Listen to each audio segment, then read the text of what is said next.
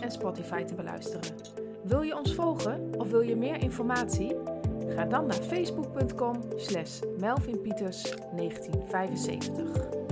Welkom en fijn dat je de podcast weer hebt aangezet. Ik zie een hele mooie titel staan, afgezonderd maar niet afgeschreven. Het uh, raakt mij eigenlijk meteen al, dus ik ben heel benieuwd Melvin uh, wat je hierover wilt gaan vertellen.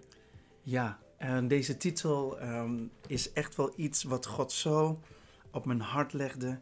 Ik ben de afgelopen uh, ja, dagen echt wel aan het uh, worstelen geweest om een goede samenvatting te kunnen geven in datgene wat God wil zeggen.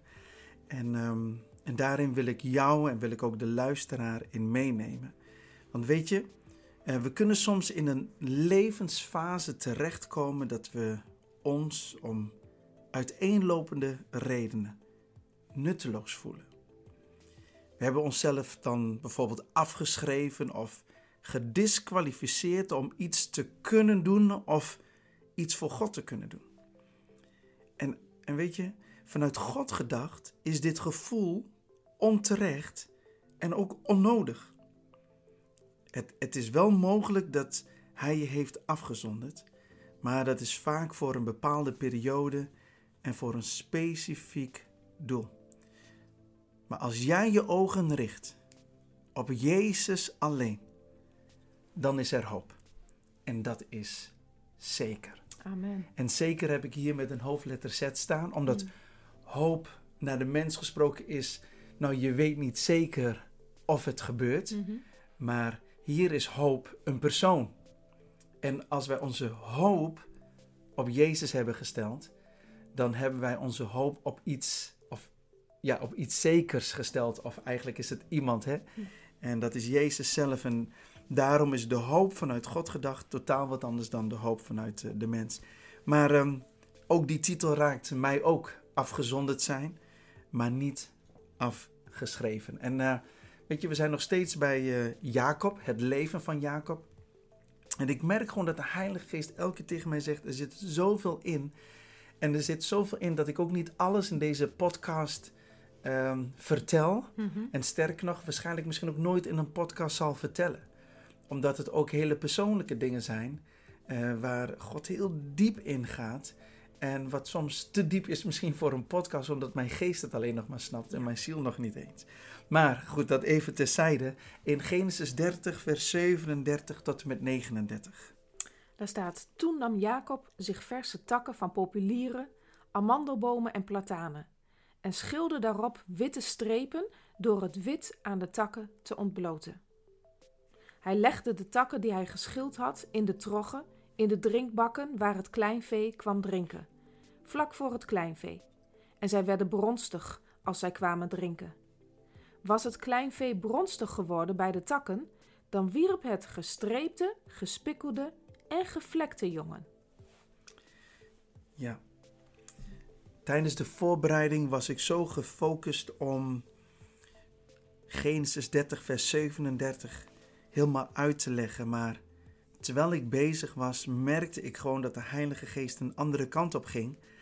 Uh, daardoor uh, was ik zelf ook even gewoon van, uh, van me apropos. Van oké, Heilige Geest, u wilt waarschijnlijk heel wat anders zeggen. Of u wilt wat anders zeggen. Um, maar ik heb nou dus extra materiaal voor, voor een volgende podcast. Maar we gaan eerst naar leermoment 1. En leermoment 1 heet afgezonderd. De situatie waarin jij je nu bevindt zou misschien met dit woord afgezonderd samengevat kunnen worden. Je bent afgezonderd, maar je bent echt niet alleen. God heeft jou niet verlaten. Tamara? God heeft jou niet verlaten, God heeft mij niet verlaten, God heeft ons niet verlaten. En dit gevoel en die gedachte bestrijdt ons en jaagt ons na en, en probeert ons dingen wijs te maken die niet waar zijn. Mm-hmm. En uh, ook onnodig zijn. Maar wel de capaciteit van onze toekomst, of eigenlijk moet ik zeggen, de capaciteit van ons denken, beter hè, over de toekomst, neemt het in beslag. En dat is niet goed. Hè? Ik zeg, eh, het overkomt ons allemaal, hè? laat ik dat even duidelijk zijn. Maar ik wil eh, daarmee zeggen? Het is niet goed in die zin om ze toe te laten. Hm. Het is, het is, eh, we, we kunnen onze hersencapaciteit en ons hart en ons geloof en vertrouwen wel voor iets anders gebruiken dan worstelen met deze gedachten. Ondanks dat is het echt gewoon realiteit. Maar ik wil eigenlijk gewoon even met een tekst eh, beginnen in Matthäus hoofdstuk 27, vers 46. Zou je dat eens willen lezen? Omstreeks het negende uur riep Jezus met luide stem, zeggende: Eli, Eli, lama sabachthani. Dat is mijn God, mijn God, waarom hebt gij mij verlaten? Wauw. Weet je, is het niet vertroostend om te weten dat Jezus Christus het oordeel van de zonde op zich heeft genomen? Dat hij door de Vader werd verlaten vanwege onze zonde, hè? Ja. Zodat wij nu en tot in alle eeuwigheden bij God mogen zijn. Jezus heeft zelf meegemaakt wat het betekent om afgezonden te worden. Sterk nog, hij zegt verlaten, Mm. in eenzaamheid, worstelend en strijdend tegen de zonde, maar zodat wij het niet meer hoefden te doen. Ja. En wij hebben toch ook enigszins ook wel soms die momenten dat wij ook aan het, aan het strijden zijn. Maar eh, tegen wat dan? Ja, tegen die eenzaamheid. Dat we het gevoel hebben dat we verlaten zijn. Dat we het gevoel hebben ehm, eh, ja, dat we afgeschreven zijn. Maar dat is niet zo. We zijn afgezonderd. Dus je bent afgezonderd, maar je bent echt niet alleen. Mm. En ik wil gewoon eh, ook tegen jou zeggen, toen ik hiermee bezig was en ook tegen de luisteraar. Toen liet God mij gewoon zien in Genesis hoofdstuk 30, vers 34, hoe dat dan in zijn werk gaat. En zou je ons dat eens even, en zou je willen lezen, Tamara, vanuit Genesis 30, vers 34 tot en met 36. Daarop zeide Laban: Zie, het geschiedde naar uw woord. Toen zonderde hij, Laban, op die dag de gestreepte en gevlekte bokken af en alle gespikkelde en gevlekte geiten. Alles waaraan iets wits was, benevens alles wat zwart was onder de schapen. En hij stelde het onder de hoede van zijn zonen. En Laban bepaalde een afstand van drie dagreizen tussen zich en Jacob. En Jacob weide het overige vee van Laban. En de Heilige liet me als het ware pauzeren of kamperen op deze versen. Hij wilde gewoon iets laten zien. En ik wil dat met jou en met jullie wil ik dat delen. Want op basis van deze teksten wil ik proberen om een soort afzonderingssituatie te schetsen en welke rol Laban hierin heeft. Ten eerste, Jacob kent de kudde van Laban door en door. Hij kent als het ware elk stuk vee bij kleur en bij naam. Na al die jaren, hè? Hè, Dat is wat ik bedoel. Ja. Laban had aan Jacob kunnen vragen of hij het afwijkend vee apart wilde zetten. Maar nee hoor, Laban doet dit zelf. Hij komt alleen in actie als het in zijn voordeel is. Hier, hier gebeurt iets, want misschien ben je wel eens geconfronteerd met zo'n situatie. Dat je gewoon aan alles merkte dat, dat Laban jou niet in het plaatje vond passen. Dat je als het ware buiten spel werd gezet. En ik vond het zo bijzonder, want eh, Jacob doet een voorstel en zegt: Doe mij maar die afwijkende schapen. En Laban vond dat zo'n goed idee, want Laban had veel meer gewoon zijn eigen gewin in gedachten. En dacht: Weet je, die afwijkende schapen, weet je, lekker belangrijk, is niet zoveel waard. Eh, goed idee. Eh, weet je wat? Ik ga ook zelf dit regelen. Ik wil echt even kijken, wacht eens even. Dit zijn de goede schapen, dat zijn de afwijkende schapen. Oké, die afwijkende schapen die gaan we even apart zetten. Die zijn lekker voor Jacob. En zo vaak gebeurt het niet dat er een afwijkend schaap geboren wordt, om even zo te zeggen. Dus daar wil ik even zelf bij, zetten, eh, bij, bij zijn. Weet je, Jacob heeft jaren gediend, hè? Jaren gediend.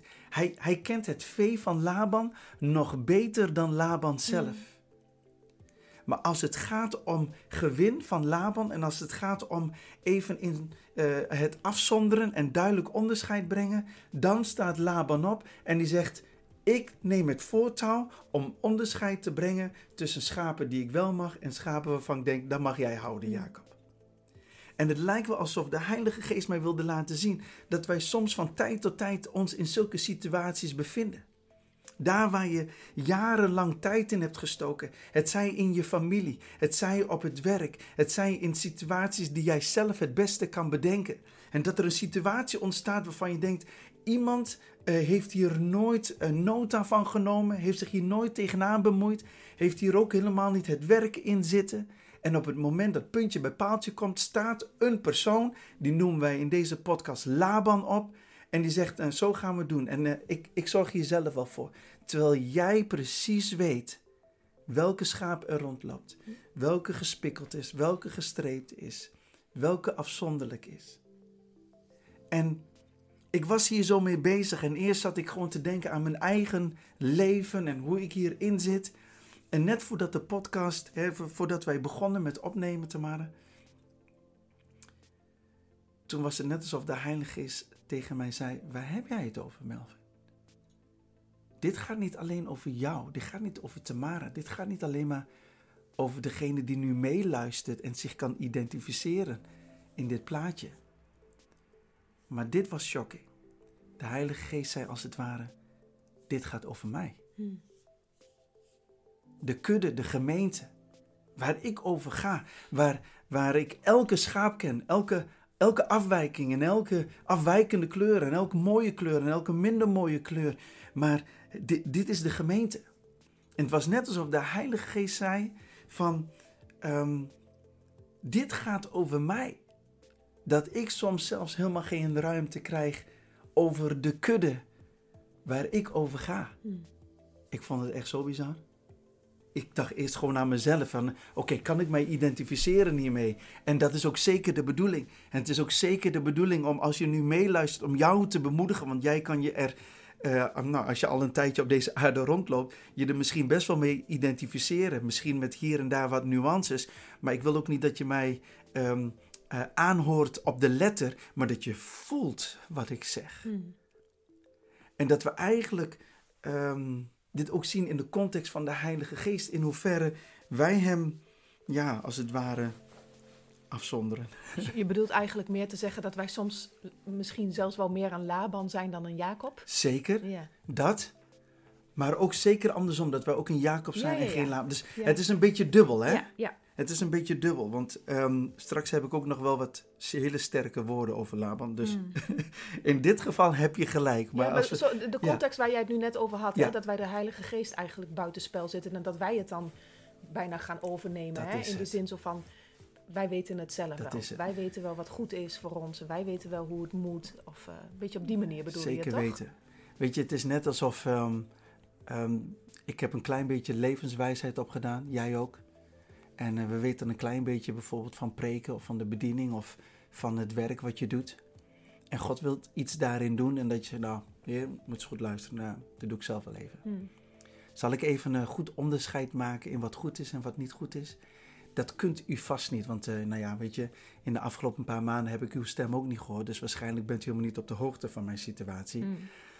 Um, ik doe dit zelf wel. Ja. Oké? Ja. Het is heel, heel zwart-wit, hè? Ja, maar het gaat erom dat je voelt wat ik zeg.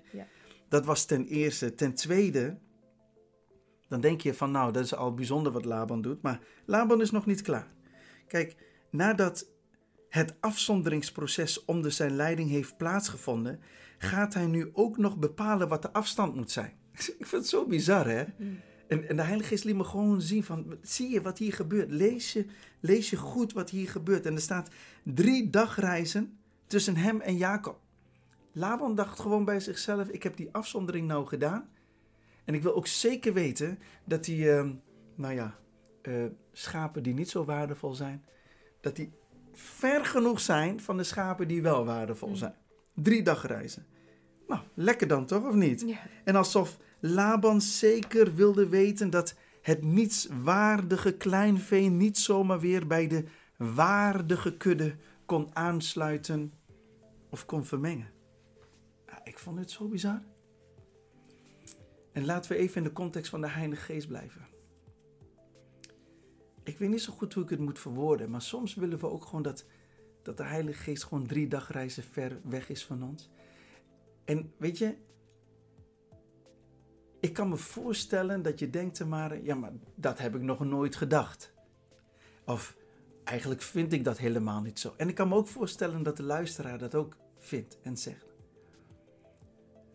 Maar ik bedoel eigenlijk dat als de Heilige Geest dingen aantikt in ons leven en we geven geen gehoor en we zijn traag in het reageren en we zijn traag in het luisteren, dat is, dat is de Heilige Geest gewoon drie dagreizen van ons verbannen. Heilige Geest, ik hou van u. Ik vind u echt helemaal cool en top. En ik geloof dat u God de Heilige Geest bent. Ehm, maar nu even niet. En, en dit willen we niet. En misschien staat ook alles wat, wat God lief heeft in ons, staat nu ook op en zegt: Melf, ik ben het totaal niet met je eens. Maar dan, dan snap ik je mm, ook, hè? Ja. Dan snap ik je ook. Maar het gaat hier om, om te kijken, bestaan die situaties in ons leven? Weet je, als het gaat om scheiding brengen, de zonde bracht scheiding tussen God en de mens. De zonde wilde ook de afstand en de duur tussen God en de mens bepalen. De zonde wilde dat God en de mens voor eeuwig van elkaar gescheiden waren. Maar de dood kon Jezus niet tegenhouden. Laban wilde Jacob drie dagreizen van zich af hebben en Jezus stond op de derde dag op uit de doden. Hmm. Want hij wilde zo dicht mogelijk bij ons zijn. Weet je, ehm, ik bedoel het niet veroordelend, niet naar jou, niet naar mij, ook niet naar de luisteraar. Op het moment dat ik zei van, de Heilige Geest wil soms het liefst drie dag reizen weg van ons doen. Maar weet je, de zonde is dat. De zonde wil dat doen in ons. Weet je dat we nog steeds te maken hebben met dit vlees, waarin de zonde zo af en toe nog zo opspeelt. Maar ik wil tegelijk een tegengeluid uh, geven. Dat Jezus ook vandaag zegt, maar Melf, ik heb mijn leven gegeven, zodat ik niet meer drie dagreizen ver van jou hoef te zijn. Dat het voorhangsel door midden is gescheurd. Het feit dat ik mijn leven voor jou en voor Tamara en voor de luisteraar heb gegeven, betekent hoe graag ik die afzondering en die scheiding teniet wilde doen. Hmm. Dat het niet meer zou bestaan. Ik wil dicht bij jou zijn. Alleen dit is de vraag. Zijn we bereid om het woord en de Heilige Geest en de liefde van God dichter en nog meer toe te laten in ons leven dan dat we ooit hebben gedaan? Weet je, dit jaar en dat weet je Tamara, maar ook voor de luisteraar, heb ik echt voorgenomen, als goede voornemens, om de Heilige Geest beter te leren kennen. En ik ben ehm, eigenlijk eind vorig jaar al begonnen en ik merk gewoon dat ik, nu ik die deur heb opengezet voor de Heilige Geest, om de Heilige Geest beter te leren kennen. In eerste instantie vanuit het woord. Ontdekken wie is de Heilige Geest. Wat doet de Heilige Geest? Waarom is de Heilige Geest hier? Waarom is zijn rol nog zo belangrijk? Waarom kan ik niet zonder hem? En nu ik die deur van mijn hart heb opengesteld, om op al die vragen antwoord te krijgen, merk ik, merk ik gewoon dat de Heilige Geest begint te antwoorden. Hmm. En begint te laten zien.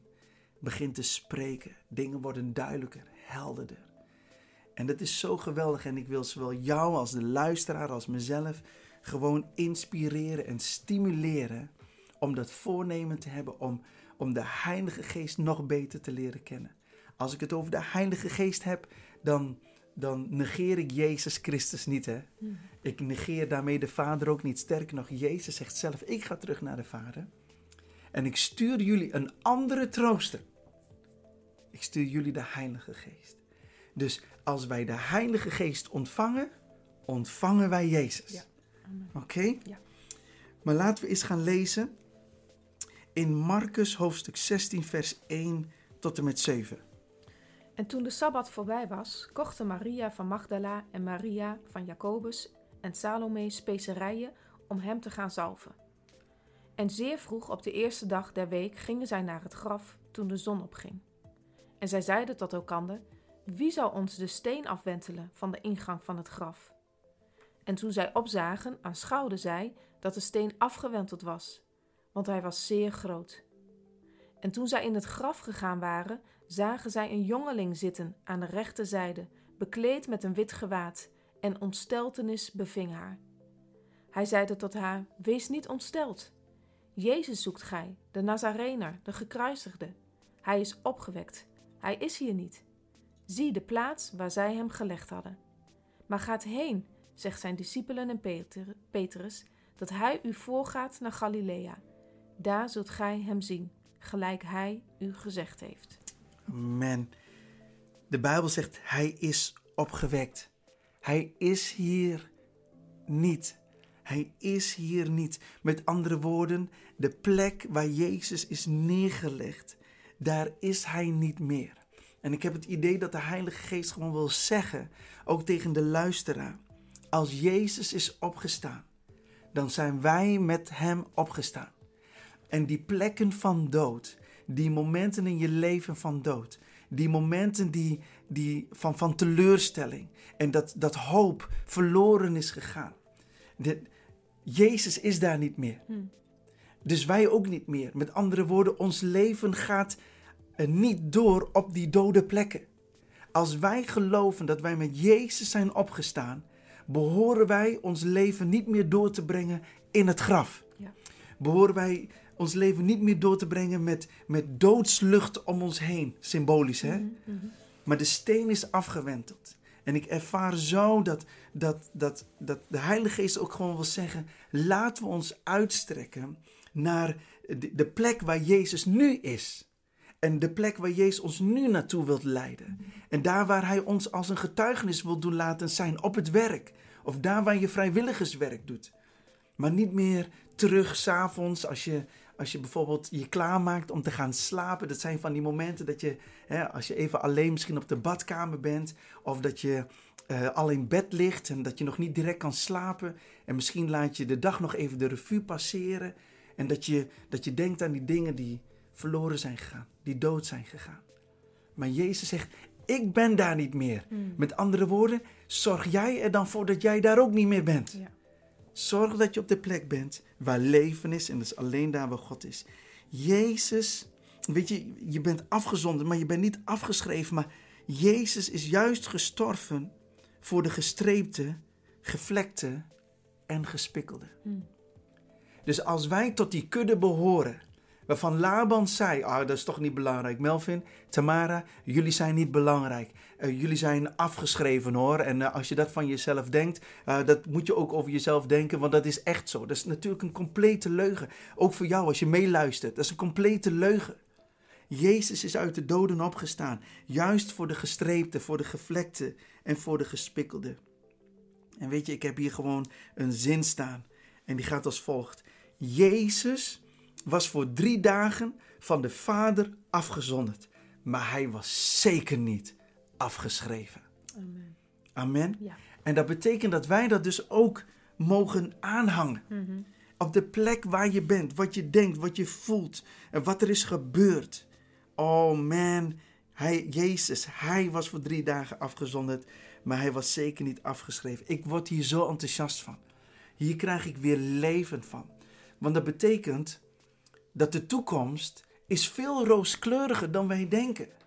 Ook al ben je even afgezonderd.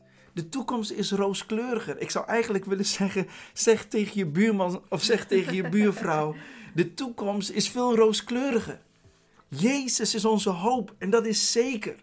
En we moeten dat, Tamara, dit jaar met nog meer enthousiasme via deze microfoon gewoon gaan vertellen zodat in de huizen dat dit gehoord wordt. Dat iemand het misschien over zijn of haar boksen in de woonkamer luistert. Dat we je woonkamer, je slaapkamer, je auto nu vullen met het leven van Jezus. Omdat we het uitspreken. Want dat is het Rema-woord, het geopenbaarde woord van Jezus Christus. Wij zijn niet meer geroepen om op plekken van dood te leven. Want daar is Jezus niet meer. En ik word daar enthousiast van en ik hoop Jij die met ons meeluistert ook. Jij dan, Tamara, ben je enthousiast? Ja, zeker. Oké. Ehm, weet je, dit is wie God is voor ons en wat Hij voor ons heeft, heeft gedaan. Mm. leermoment 2. Zou je dat eens voor ons willen uh, lezen, Tamara? Ja. Afgeschreven? Nee, bij God nooit. In het leven van Jacob kunnen we heel mooi zien hoe het afgeschrevene kleinvee, de gestreepte, de gevlekte of de gespikkelde, tot zegen werd. In de ogen van Laban was dit kleinvee nutteloos. Jacob, de goede herder, zag potentie en hij deed er alles aan om dat eruit te halen. Amen. De goede herder met een kleine G en met een kleine H. Mhm. Oké, dus dan weet je al, dit is het beeld van Jezus. Ja. De goede herder met hoofdletter G en hoofdletter H. Laten we eens even snel lezen in Johannes 10, vers 16. Nog andere schapen heb ik, die niet van deze stal zijn. Ook die moet ik leiden, en zij zullen naar mijn stem horen, en het zal worden één kudde, één herder. Eén kudde, één herder. Oh, maar weet je, Laban die wil heel graag afzonderen. De nuttelozen daar en de waardevolle daar. Maar Jezus zegt eigenlijk dit.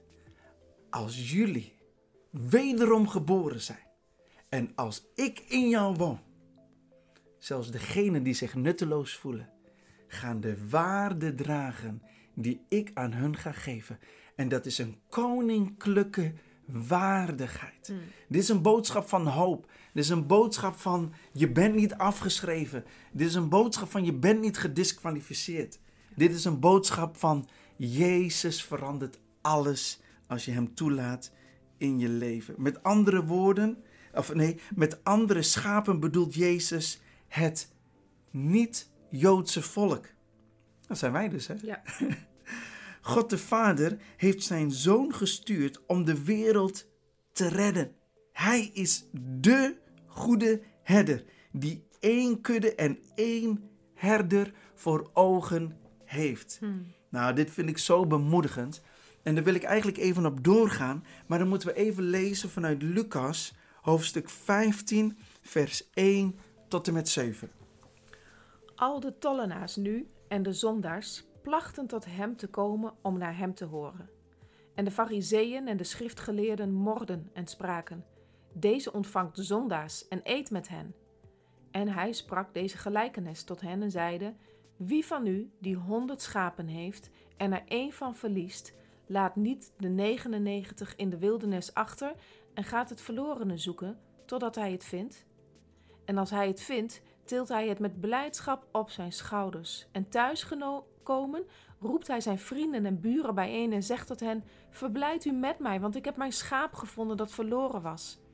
Ik zeg u dat er alzo blijdschap zal zijn in de hemel over één zondaar die zich bekeert, meer dan over de 99 rechtvaardigen die geen bekering nodig hebben. Waarschijnlijk kennen we deze gelijkenis. En dit gaat ook over die ene zondaar die zich bekeert. Maar ik wil toch deze gelijkenis gebruiken. En misschien gaat dan de gelijkenis een klein beetje mank. En toch denk ik ook van niet. En die wil ik plaatsen in de context van waar Jacob zich in bevindt. En daardoor wil ik drie dingen even heel kort aantikken. Ten eerste, het hart van God de Vader kan met de volgende kernwoorden samengevat worden: zoeken, vinden, dragen, thuisbrengen en verblijden. Met andere woorden, dit is zijn hart voor jou. Dit is zijn hart voor de zondaar, maar dit is ook zijn hart voor zijn kinderen.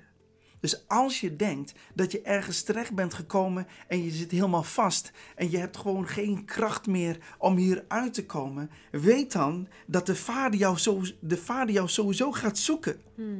En hij gaat je ook sowieso vinden. En hij heeft alles in zich om jou te kunnen dragen.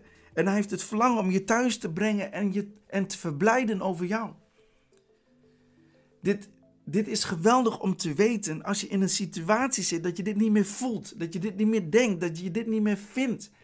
Omdat je denkt dat je afgeschreven bent.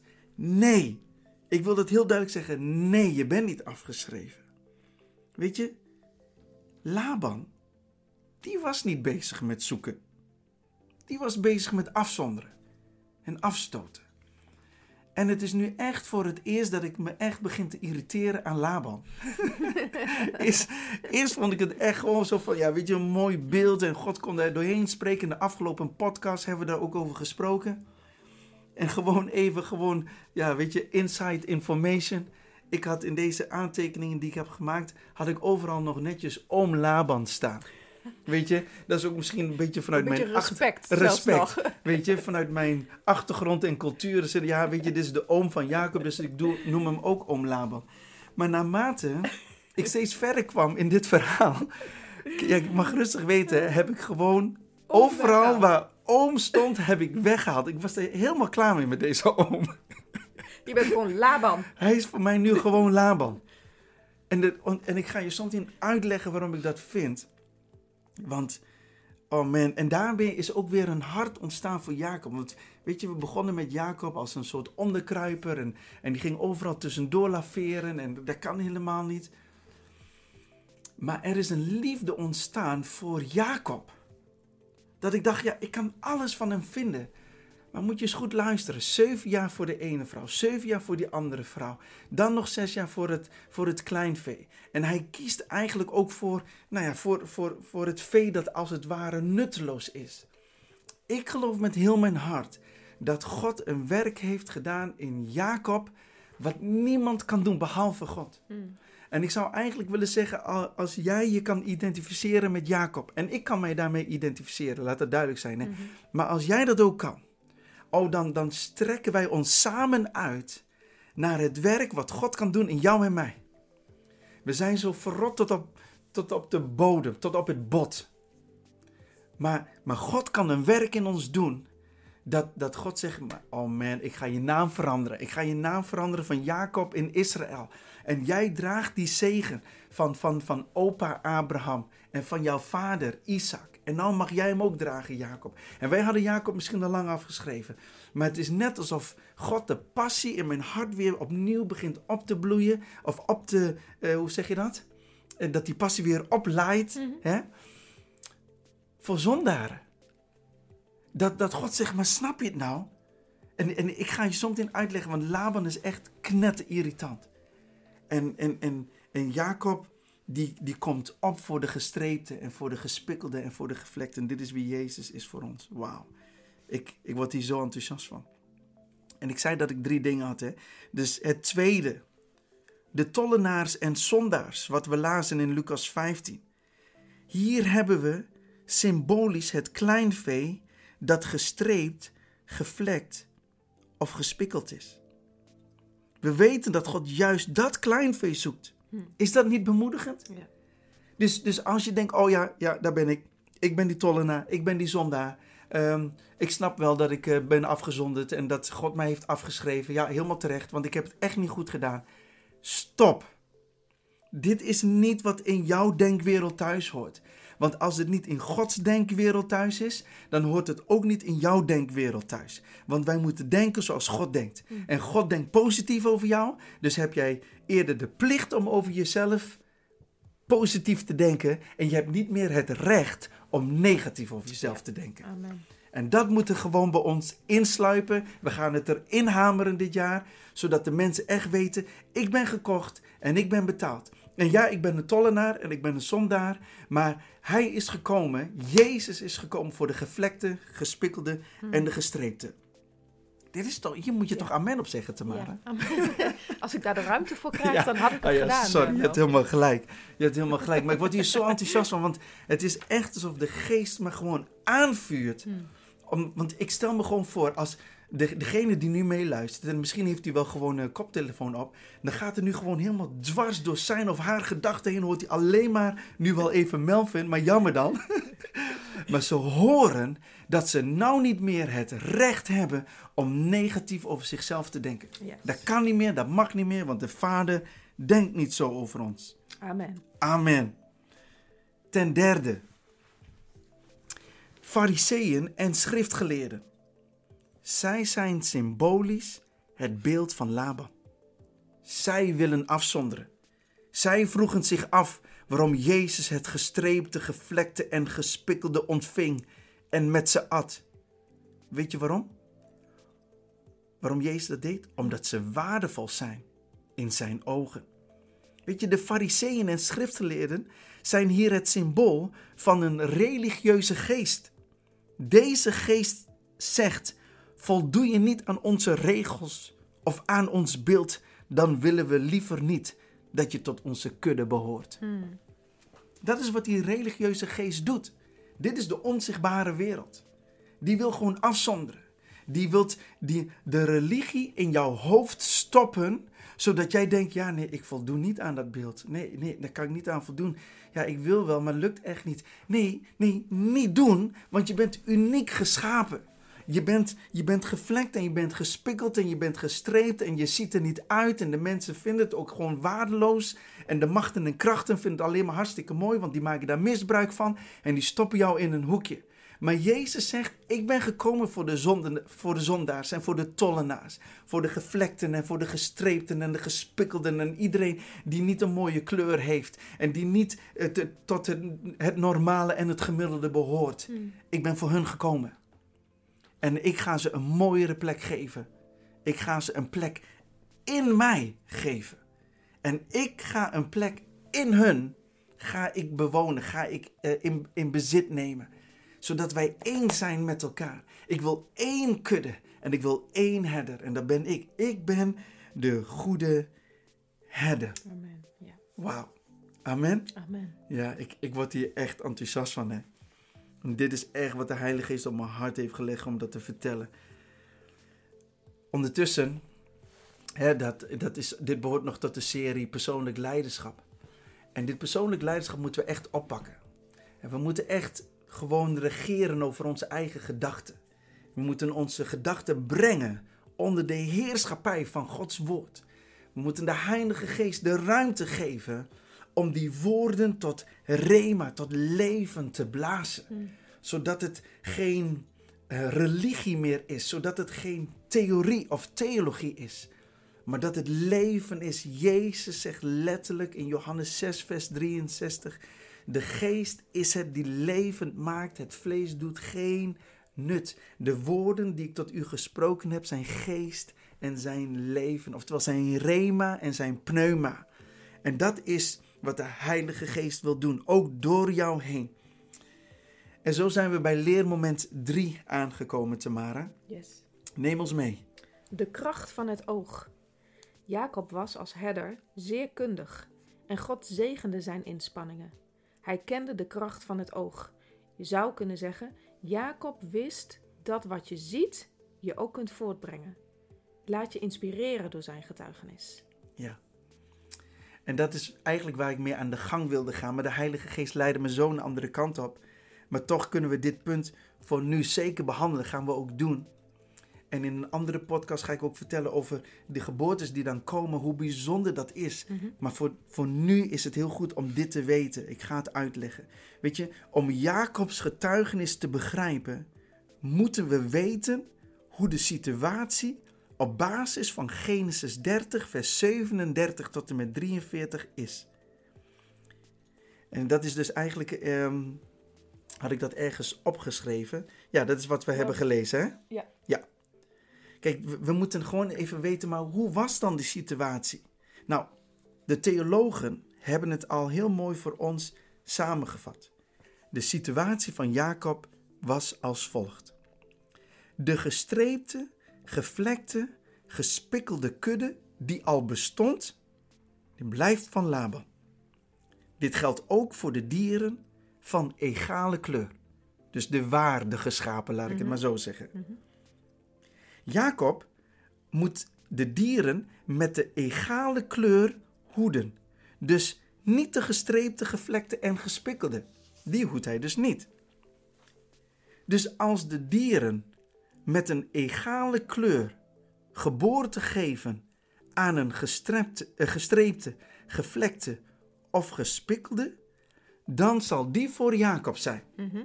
Nou, nou, ik zeg geen om Laban meer, hè. Laban is echt zo irritant. Want, want hij zegt eigenlijk, ja, dat is de situatie. Dus Jacob, jouw voorstel, top. Want zoveel van die beesten, zoveel worden er ook niet meer geboren. In vergelijking tot schapen met een egale kleur. Mhm. En als ze worden geboren, zijn ze toch niks waard, zeg maar. In de ogen Ja. van Laban. Ja. En dan moet Jacob alleen maar de schapen hoeden met een egale kleur.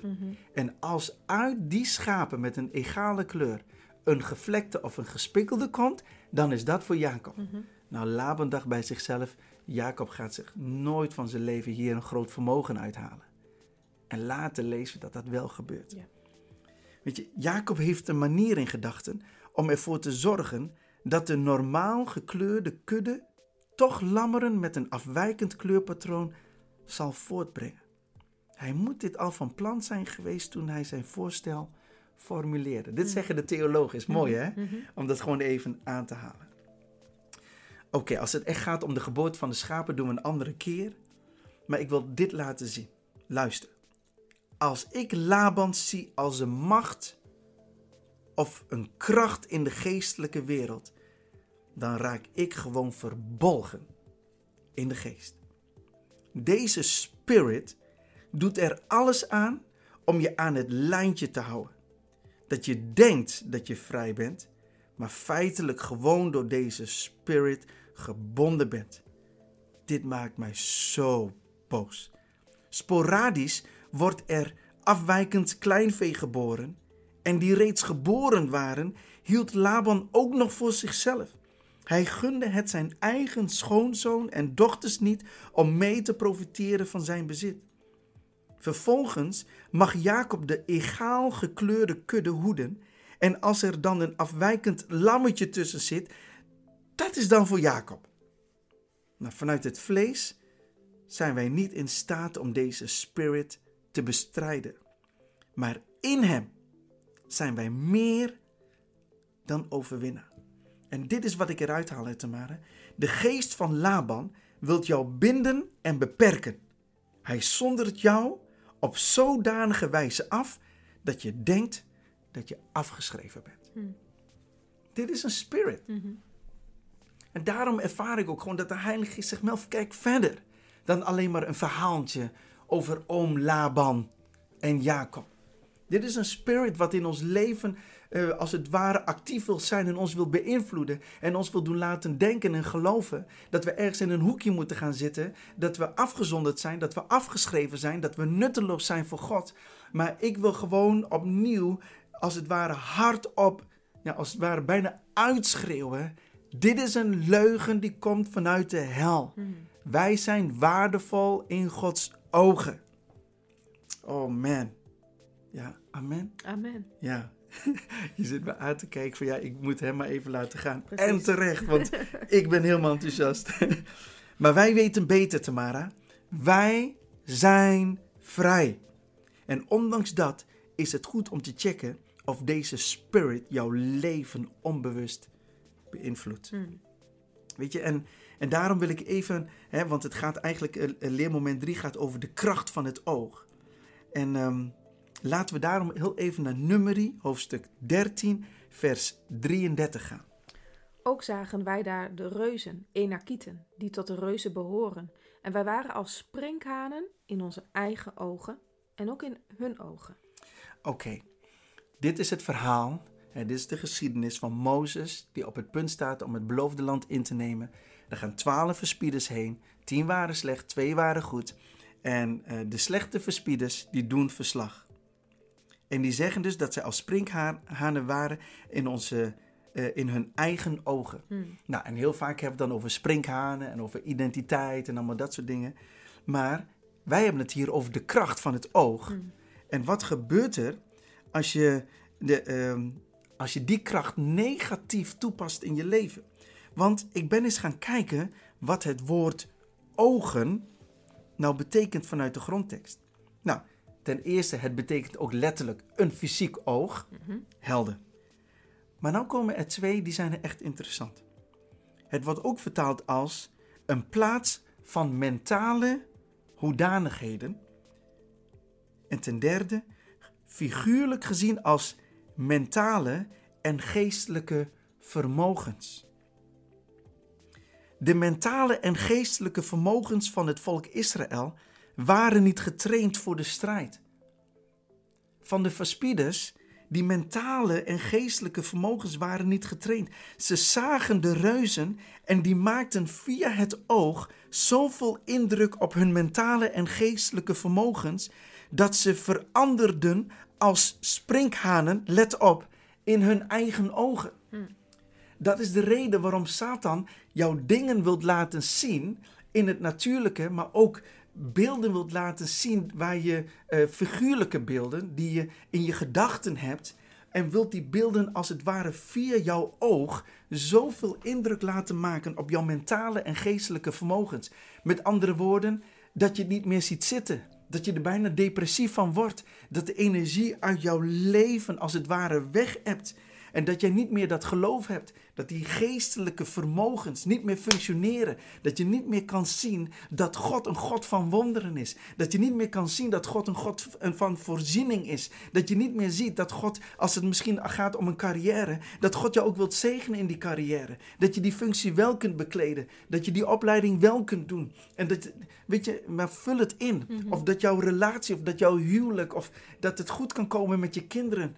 Maakt niet uit, maar Satan wil als het ware via het oog jouw mentale en geestelijke vermogens zodanig beïnvloeden dat jij verandert in een sprinkhaan, terwijl eigenlijk de God die in jou woont groter is dan de reuzen die jouw beloofde land nu nog steeds in bezit hebben. Ja. Wauw. Ja. Tamara, wat zegt dit? Wat, wat roept het bij je op als je dit zo hoort? Ehm, nou, ik, ik denk dat het, weet je, eigenlijk is het, het is bijna raar dat het dan gebeurt, hè? Want het zijn je eigen ogen, dus het is niet, eh, het zijn niet de ogen van het ander, maar het zijn jouw eigen ogen die dan eigenlijk ook zo'n verkeerd beeld aan het vormen zijn, hè? Dus Ja. dat betekent dat je daar zelf ook ehm, verandering in kunt brengen. Want het, het zijn jouw ogen. Het gaat niet over de ogen van een ander, het gaat over jou. Dus jij bent ook degene, degene die daar dus een verandering in kan gaan brengen. Precies. Door daar op een andere manier naar te gaan kijken. Mooi, Letterlijk en figuurlijk. mooi. En dat is eigenlijk ook hè, daarop aansluitend heel mooi, Tamara. S- Er staat in Hebreeën 12, vers 2. Laat ons oog daarbij alleen gericht zijn op Jezus, de leidsman en voleinder des geloofs, die om de vreugde, welke voor hem lag, het kruis op zich genomen heeft, de schande niet achtende en gezeten is ter rechterzijde van de troon Gods. Weet je, daar, daar zegt Hebreeën, laat ons oog, laat ons oog, de kracht van het oog. En, en hier vanuit het Grieks betekent het woord oog de ogen van andere dingen afwenden en op iets vestigen. Concreet betekent dit dat jij je niet meer op de reuzen moet richten. Nee, je moet je oog daarvan afwenden en nu alleen maar op Jezus gericht zijn. Zo worden ook je mentale en geestelijke vermogens gesterkt. Ja. Nou, hoe kun je praktisch je oog op Jezus richten? Zorg dat jouw oog elke dag het woord ziet, het woord leest. Want als je dat ziet, dan kijk je constant naar een overwinnaar. En als jouw oog constant naar de overwinnaar kijkt, kan jij geboorte geven aan een overwinnaar, aan een overwinningsleven. Misschien moet ik het zo zeggen. Dan ga je op een gegeven moment ook geloven, ga je zien en ga je ervaren dat je meer dan overwinnaar bent. Maar dan moet je wel constant kijken naar de overwinnaar. Want Hebreeën zegt, laat ons oog daarbij alleen gericht zijn op Jezus. Ja. Op niets anders. En dan staat er ook nog, ehm, de leidsman en voleinde des geloofs, die om de vreugde welke voor hem lag, het kruis op zich genomen heeft. Met andere woorden, Jezus deed dat ook. Hij heeft het kruis op zich genomen en dat kon hij doen omdat hij zijn ogen bijna als het ware van het kruis heeft afgewend en zijn oog heeft gericht op de vreugde die hij zag. En dat hij op een gegeven moment zoiets had, weet je, als ik mij focus op het kruis, dan ga ik straks Gods wil niet meer doen. Dan ga ik straks niet meer de wil van mijn vader doen. Maar waar ik mij dan maar op focus, ik hou het gerucht, eh, gericht op de vreugde. Op de vreugde die voor hem ligt. Ja. En dat is wat we moeten doen. De vreugde. En de vreugde des Heren, dat is onze kracht. Ja. Ik hoor het de mensen gewoon meezeggen. Mm. Dat ze afzeiden, dat is onze kracht. En dat is ook zo. Maar Satan wil ons niet, eh, Satan wil ons blind maken voor de vreugde en hij wil ons oog groot maken voor het kruis. Zo van luister Melvin, je gaat aan het kruis, spijkers door je handen en voeten, dat doet pijn en dat wil je niet. Ach joh, laat toch aan je voorbij gaan. Maar de Heilige Geest zegt tegen mij en zegt tegen jou en zegt tegen ons, nee, focus je oog op Jezus. Ja. Niet op het kruis, maar op Jezus. Want het kruis is in dit geval, eh, bedoel ik even in die zin negatief. Mhm. Dat, dat Satan Ja, ja, zegt, ja. weet je, waardeloos. Maar Jezus zegt nee, nee, focus, focus je oog alleen op mij. En dat is wat we moeten doen. En daarom, even terug naar eh, eh, de titel van deze podcast, afgezonderd, maar niet afgeschreven. Maar Satan wil ons oog doen laten zien en doen laten geloven dat we afgezonderd zijn en afgeschreven. Ja. Of juist omdat we afgeschreven zijn, zijn we afgezonderd. Maar nogmaals, het is een leugen die komt rechtstreeks vanuit de hel. Want Jezus vindt ons waardevol. Amen. Amen. Amen. We gaan naar de samenvatting. Drie punten eigenlijk in de samenvatting in conclusie.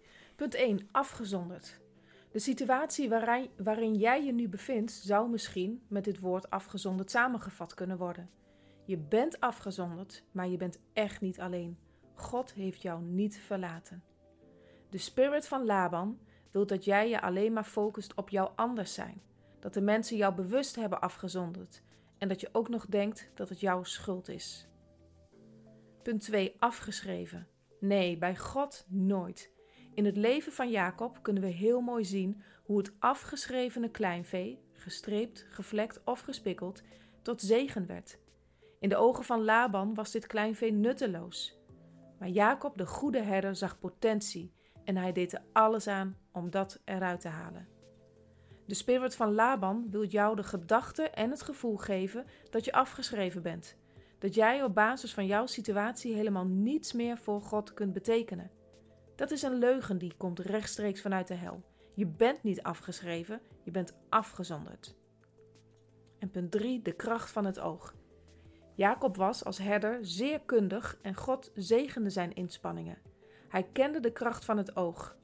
Je zou kunnen zeggen, Jacob wist dat wat je ziet je ook kunt voortbrengen. Laat je inspireren door zijn getuigenis. Gebruik de kracht van jouw oog. Richt je alleen maar op Jezus, alleen maar op Hem. Letterlijk op niets en niemand anders.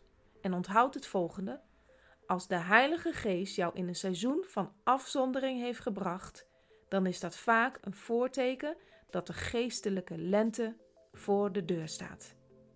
Onze God is een God van wonderen. Amen. Heilige Geest, dank u wel voor dit woord. Wij geloven dat u geest en leven heeft gebracht in de harten en in de levens van de luisteraars. En wij weten zeker dat u de naprediker zal zijn. En dat wij met z'n allen mogen opstaan. En de spirit van Laban verbreken in Jezus' naam. En dat uw Heilige Geest, dat u niet drie dagreizen ver van ons bent, maar dat u in ons woont. Dat u woning heeft gemaakt in ons. Heer Jezus, dank u wel voor wat u heeft gedaan aan het kruis op Golgotha. Want door wat u heeft gedaan, is het reeds volbracht. Wij zijn niet meer dood. We zijn levend gemaakt door u alleen. In Jezus' naam. Amen.